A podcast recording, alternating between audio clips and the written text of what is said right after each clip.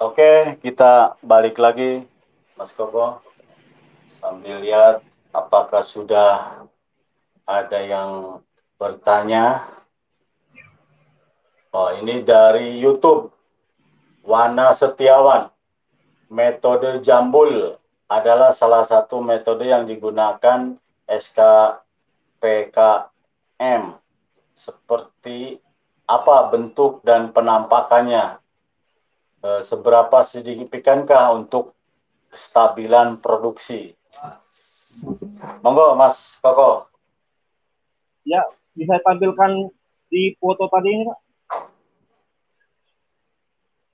Oh, tadi di ini ya di Ya, di foto sudah ada. Oke. Yang foto sendiri, foto tunggal. Oh, foto tunggal ya. Ya, lanjut, Ya, bentar. lanjut. Ya, ini. Ini ya. Ya. Ya, inilah gerakan kami di SKPKM nih, Pak. Hmm. Untuk stabilan buah kopi, nih, misalkan yang berbuah sekarang 5 cabang produksi. Ya. Untuk menjaga kestabilan, simpan juga 5 cabang produksi. Untuk Untuk tahun berikutnya ya. Ya, tahun berikutnya. Hmm. Kalau mau lebih, tingkatkan lagi bahan produksinya. Tapi sesuaikan juga dengan nutrisi, Pak, agar tidak, Iya, betul. agar buahnya maksimal, tuh, Pak. Iya. Jangan banyak-banyakan tapi tanaman kelaparan ya. Ya, betul sekali itu, Pak. ini, ini saya ambil di grup ini, Pak, foto di grup. Oh, di grup ini ya. Karena Oke. ini per tanggal 2 Mei 2021 terbaru. Oke, Mei ya. Bulan lalu ya. Ya, Oke, cakep lah ini. Oke, Ya, sistem jambul, Pak. Mudah-mudahan puas. Oke, kita lihat apakah masih ada pertanyaan. Nah, ini dari Facebook Wawan. Bang, bagaimana penyemprotan pupuk? Ada nggak, Bang? Wah, ini coba jelaskan untuk pupuk poliernya, Mas Koko. oh ini spray atas, Pak ya? Foliar ya? Ya, oke. Foliar kalau saya sih pakai mikro majemuk fitoplek ya ya. Ya, Fitoplan. Dan profit merah yang kadar P-nya tinggi. Oke, itu posisi tanaman seperti apa nih? Kalau fitoplek saya mix dengan profit merah di bulan Hmm. 11 bulan, Bulan 10 11 sampai ya. bulan 3. Oke. Itu eh, sebulan sekali Ini- kah? Ya interval satu bulan sekali. Oke. Hmm. Nah, Terus? pakai terus selanjutnya di bulan 4 tetap Vitoflex dan Profit Hmm. Oh, Maxi. Oke. Ya. Profit Maxi yang kandungan P dan K-nya yang paling besar. Oke. Karena untuk memacu Itu- pembungaan ini, Pak. Berapa berapa kali aplikasi tuh untuk Maxi dan Vitoplex? Maxi sampai dia benar-benar mau mekar, Pak. Kalau sudah mekar, di Oke. stop. Kami stop ini, Pak. Stop ya. Oke. Eh, Oke, sahabat Mutiara, eh, Mas Wawan. Jadi seperti itu ya. Jadi Mas Koko ini dengan kelompoknya pakai profit merah eh, di mix dengan Vitoplex itu di bulan 10, 11 ya sampai 3 terus profit maksinya itu eh, di bulan bulan apa 4 4 5 6 ya. Itu eh, maksi dengan Vitoplex. Oke. Kita lihat ini dari YouTube TM Channel. Selamat sore, Pak. Titip pertanyaan kalium KNO3 Merauke Jaya di fase fotosintesis. Saya pakai foliar yang ini, Pak. Profit merah dan profit maxi. Oke. Mas Iya, Koko jadi ya- yang itu. Pak. Iya, senang yang itu nih, Pak. Karena yang di Oke. merah kan ada nih di petunjuk apa bukan petunjuk sih ada panduan Ya, untuk fotosintesis Pak ya, yang profit merah. oke. Hmm, Saya lebih memakai yang profit merah gitu, timbang yang KNO3. Oke, Ke- karena profit merah itu adalah NPK majemuk lengkap. Jadi Ya. di samping ada NPK juga ada mikronya ya ini. Dan untuk kali nitra itu memang isinya hanya eh, nitrogen sama kalium saja. Ya. Oke. Oke, ini ada Facebook Bernan GMC. Bang, cara menanggulangi rontok waktu degan bagaimana, Bang? Nah, Nah. silakan Mas Koko. Di sini ada dua ya penyebabnya. Hmm, Yang pertama tumpang tindih tidak Oke. bahan produksi tersebut tersebut tumpang Hmm. tindih atau tidak. Dan yang Itu pengaruh kedua ya, Mas ya? pengaruh Pak yang tidak Oke. terkena matahari berpengaruh. Oke. Dan juga pemupukan pakai apa? Hmm, Atau kebanyakan nitrogen ya sudah gitu. otomatis buah ya. rontok Banyak. otomatis buah rontok dan mengundang penggerak batang. Oke. Sama. Oke.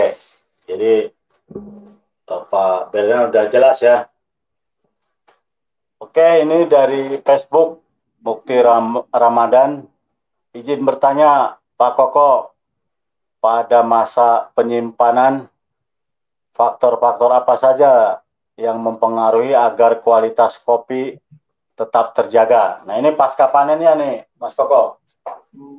Ya benar. Ini pada masa penyimpanan sekitar bulan 11 sampai bulan 3 ya.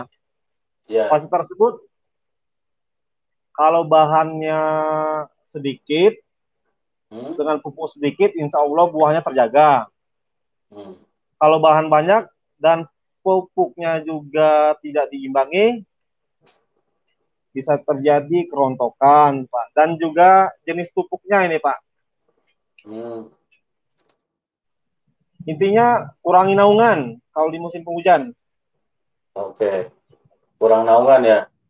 Ya kurangi naungan. Wah, ini ter terputus ya. Karena eh, Mas Koko ini di Lampung, jadi eh, agak jauh. Oke. Kita sambil nunggu. Jadi memang Maaf kopi ini ini Pak lepas tadi oke. Pak. Oke, nggak apa-apa. Ya usahakan dipupuk ini Pak. Bulan 2 dan 3 dipupuk juga. Nggak, eh, mungkin cara penyimpanan pas pasca panen, Mas.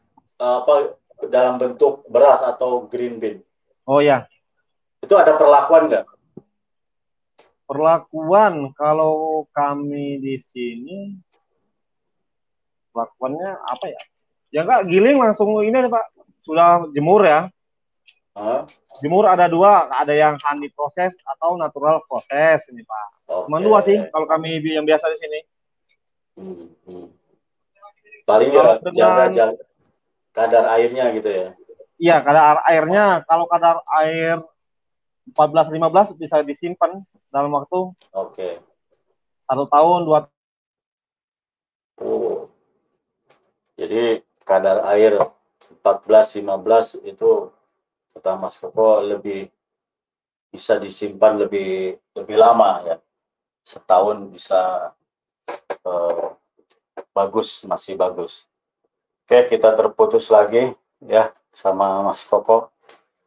Memang kopi ini adalah intinya tadi di eh, pemangkasan dan penyimpanan eh, bahan untuk apa ranting ya. Jadi teledor di situ nanti tahun berikutnya eh, bisa jong kata eh, Mas Koko tadi. Oke. Masih belum nampak ini. apa Pak? Nah, muncul. Senggol lagi nih Pak. Oke, oke. Maaf Pak. Ya, nggak apa-apa. Mas Koko, saya ada ini. Bagaimana sortasi akhir ranting bakal produksi yang kelompok Mas Koko lakukan? Sortasi akhirnya Pak ya? Nah, ada Ya, di akhir. video. Nah ini videonya Lanjut. nampak nih. Nah, ini waktu sortasi akhir juga. Hmm. Lanjut ini, ini video waktu pemangkasan ini. Pemangkasan di Oh sambungan pemangkasan baru. ya. Oke, Di sambungan baru. sambungan baru ini ya. Lanjut videonya Pak, ada lagi. Iya, iya. Yang video ya lanjut. Nah, ini spray foliar. Ini Profit Maxi, aplikasi. Oke. Profit merah Profit sama dan profit. Maxi Pak, Maxi. Oh, Maxi sama Pitoplek Iya. ya. Oke.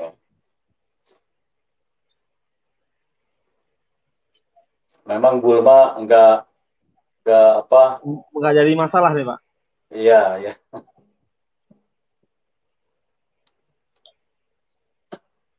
Oke. Kita lihat masih ada yang bertanya. Oke, sambil nunggu dari sahabat Mutiara, Mas Koko, Ya Pak? biasanya hama apa yang paling atau penyakit di tanaman kopi yang menjadi momok ya untuk eh, para apa sahabat di sana. Hama yang terutama penggerak batang Pak. Penggerek batang Ya. Penggerak batang.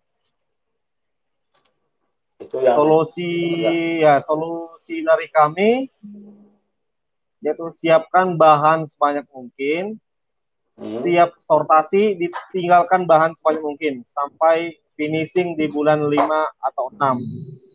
Oke. Berarti Dan penggerek batangnya itu di bakal calon bakal iya gitu ya? kalau benar, Pak. berarti batang muda berarti ya. Iya di batang muda Pak. Dan di pemupukan juga kami pakai Pak. Oke. Oke. Biasanya ada pengendalian secara kimiawi atau apa? Ya di pemupukan tadi Pak. Kami kurangi Hmm. kadar N di bulan Oh, kadar N-nya. 10, 11 ya. Oke. Kalau pestisida nggak pakai Tidak pakai Pak. Kami tidak ada yang pakai. karena ini kopi ya untuk diminum. Ya kopi. Iya benar Pak. Kalau pestisidanya jor-joran, aduh, ampun nanti. Ya nggak masuk nanti Pak. Oke. Mas Koko, kalau ini saya kadang-kadang jadi pertanyaan nih. Ya Pak. Kalau di buah kopi ada semut itu jadi sarang semut lah gitu, dompolan Iya. itu. Itu pengaruh nggak ke ke buah kopinya itu? Kalau pengaruh tidak Pak. Pengaruh Hmm, ke kualitas kopi tidak berpengaruh Oke. sama sekali. Pak. Cuma yang berpengaruh yang panen Pak. Oh, gitu ya. Cuma Kalau ya apa Pak? mungkin nggak nggak nggak sedap dipandang lah gitu ya. Iya benar Pak. Panennya sakit mata Pak, pedes. Oh, oh gitu ya. Asal dia Iya, tidak saya- tumpang tindih, aman Pak. Semut berkurang Pak. Oke, berarti emang Asal kurang sinar itu mereka betah di sana ya. iya. Tapi secara untuk pengaruh ke kualitas itu nggak ada ya. nggak ada nih Pak. Oke. Oke, kita lihat apakah ada pertanyaan. Oke, Mas Koko, Ya Pak? nih dengan pemupukan kita tadi itu untuk mengembalikan butuh hasil panen berapa berapa kilogram yang telah dilakukan Mas Koko tadi penaburan tiga kali, poliernya ya. beberapa kali. Itu untuk supaya menutupi biaya pupuk itu butuh berapa kuintal kenaikan produksinya? Kalau saya ini kan karena dijadikan perusahaan ya Pak ya. Ladang okay, kopi saya ya. jadikan bisnis, ladang bisnis. Nah. Karena ya menjanjikan nih Pak. Hmm. Butuh sekitar pupuk dan perawatan sekitar satu ton green bean Pak. Satu ton ya? Iya, untuk membalikkan modal okay. modal yang ada di kebun itu Pak. Rata-rata produksi di sana kami per punya tahun? target Pak per tahun hmm. kalau dirata rata ya. yang ini mungkin sekitar satu ton Pak per tahun. Satu, satu ton ya. Kalau dirata-ratakan nih, kecuali yang ah. panen ekstrim atau yang panennya yang zong tadi dirata-ratakan ya. satu hektar satu ton. Ya. Itu Karena yang dengan perawatannya seperti apa? Tradisional Pak. Oh tradisional. Ya. Kalau Mas Koko sendiri? Kalau kami kan sudah ada yang memang stabilan buahnya sudah dari 10 tahun yang lalu ya. Dia ya. stabilannya terjaga. Hmm. Satu hektar mencapai 4 atau 5 ton green bean per tahun. Oke. Ya, ya, ya, ya, ya, ya. Berarti yang kalau penting bahan ini bahan yeah. terus bahan harus ada terus setiap tahun. Intinya di situ ya. Bahan. Oke ini Pupuk ada nomor dua kalau di kopi. Oke betul. Uh, ini dari YouTube Dede Ripki kalau karat daun itu hama atau kekurangan pupuk. Ada pengalaman Mas Koko? Monggo. Karat daun. Saya belum nemuin ya Pak di kebun saya. Ya, karena Mas Koko pemberian pupuknya luar biasa ya. ya. Sama sekali belum ada ya, karena daun di kebun saya bisa dibilang belum menemukan Pak. Ya, biasanya pengalaman eh, saya biasanya itu salah satunya adalah awalnya ya, awalnya adalah kekurangan hara kalsium itu kalau di kita karate plus boroni. Boroni yang ya itu karat karat daun. Oke kita lihat apakah ada pertanyaan lain. Oh, berarti hama tadi dari ini pak ya kurangan nutrisi kalsium ya pak ya? Awalnya ya. Awalnya. Seperti oh, ya. misalnya pecah buah ya. Oh ya. Buah di di pantat itu tomat atau semangka itu awalnya ya kekurangan kalsium. Nah nanti eh, second organismenya itu ada jamur, ada bakteri. Ya, hmm. makanya Mas Koko udah pakai karate plus bruni setiap pemupukan, ya saya rasa terhindar lah untuk eh, penyakit seperti itu. Oke, mungkin waktu juga yang memisahkan kita, Mas Koko. Jadi terima kasih eh, atas bergabungnya di acara Temu Tani Online ini. Ya, kita sambung nanti di lain waktu dengan tema yang berbeda ya. Kita ya. tunggu gerakan para milenial ini. Saya ucapkan terima kasih. Eh, salam kepada kawan-kawan di sana ya. Jadi sebelum saya tutup, kan saya rangkumkan sedikit ya di perbincangan sore ini dengan Mas Koko, petani milenial kopi di Lampung Barat.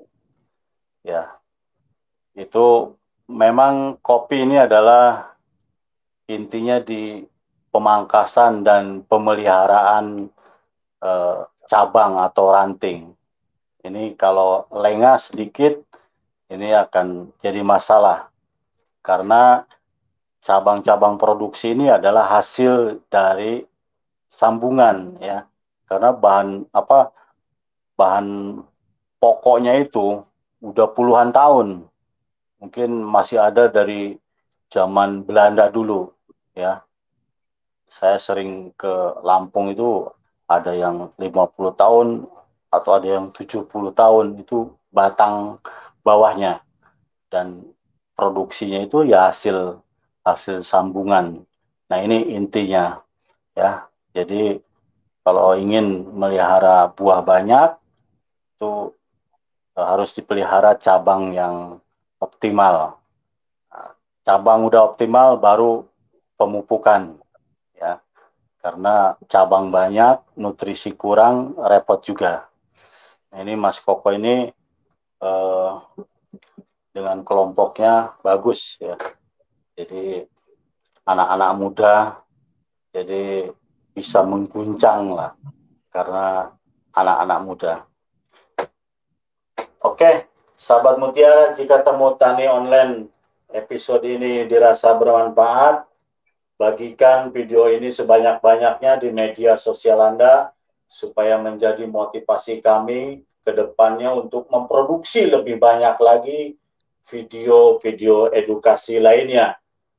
Ikuti terus kami di media sosial. Ayo follow Merauke Tetap Jaya di Instagram, like Facebook Merauke Tetap Jaya. Bagi Anda yang senang nonton di YouTube, silakan like video ini dan subscribe channel YouTube kami yaitu NPK Mutiara TV. Dan jangan lupa pentung tanda loncengnya agar sahabat Mutiara tidak ketinggalan update video-video edukasi kami lainnya. Stay healthy, jaga jarak. Sekali lagi Mas Koko, terima kasih. Ya, Salam ke para sahabat di sana ya. Nanti kalau sudah pandemi agak reda mungkin saya ingin belajar ke sana tentang pemangkasan di kopi. Sampai jumpa dan tunggu terus edisi Temu Tani Online berikutnya. Terima kasih. Wassalamualaikum warahmatullahi wabarakatuh. Salam mutiara.